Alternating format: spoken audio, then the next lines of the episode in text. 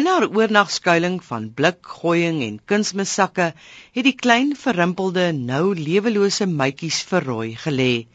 En hulle sê vir my mytjies het gegaan van oudheid.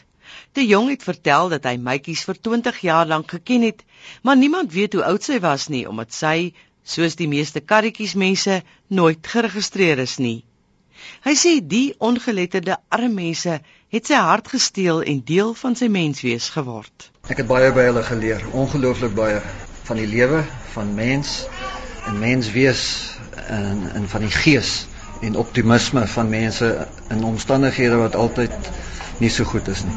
Ek het in die 1990s eh, Karoo toe begin kom vir hierdie projek en met hulle saam gelewe as dit ware en eintlik gegroei as mens saam met hulle.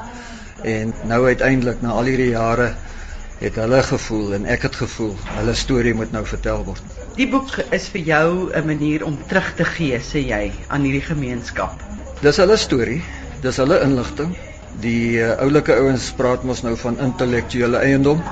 Hulle storie moet nou na hulle toe teruggaan. Ek moet dit vir hulle teruggee. Die jong sê die studie het reeds die internasionale media se verbeelding aangegryp. Mense sê vir my die boek is toeganklik, hy's hy's leservriendelik, maar hy's ook eintlik 'n teks op 'n vriendelike manier geskryf. So vir studente is daar baie oor metodologie, teorie en so aan, maar ook oor die streek en die Karoo, die Groot Karoo eintlik, die voorgeskiedenis, die geskiedenis, die omgewing, die fauna en die flora, so hy's gekontekstualiseer as dit ware, die mense in hierdie omgewing. Hy sê die karretjies mense het nie verdwyn soos deur baie geglo word nie. Die mense is hierso.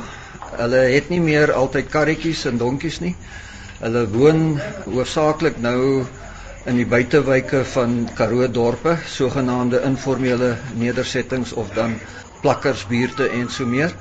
En ons het al 'n paar inisiatiewe oor die jare geloods, onder andere volwasse geletterdheidsprogramme. Op die oomblik is daar 'n program vir voorskoolse onderrig So wat ons probeer doen is om vir hulle nou ander vaardighede beskikbaar te stel as net om te kan skeer. Want skeer as deel van die Karoo se landbou-ekonomie het ook eintlik nou baie minder geword vanweë wildplase en so meer. Een van die karretjies vroue, Rosie van Rooyen sê, sy sal die reis saam met die jong nooit vergeet nie.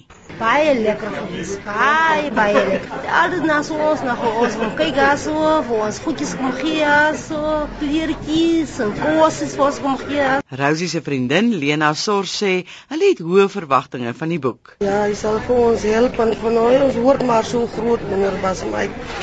Bas Mike maar raak kom te jong toe. Ken ons hom ook maar so en hy bring vir ons so kossies.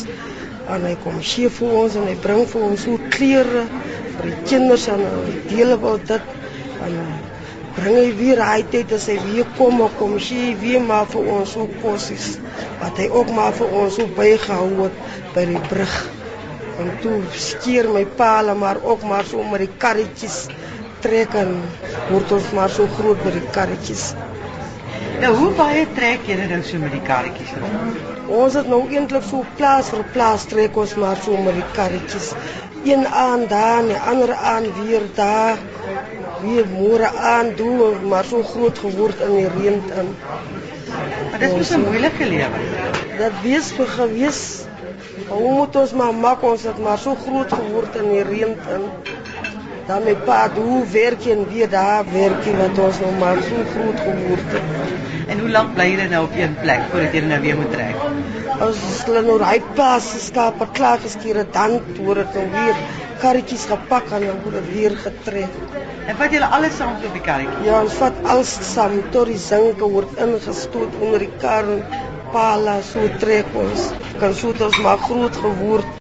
Die karretjies manne skeer nou skaap, maar wanneer die skeerseisoen verby is, weet hulle nie waar die volgende geldjie vandaan sal kom nie.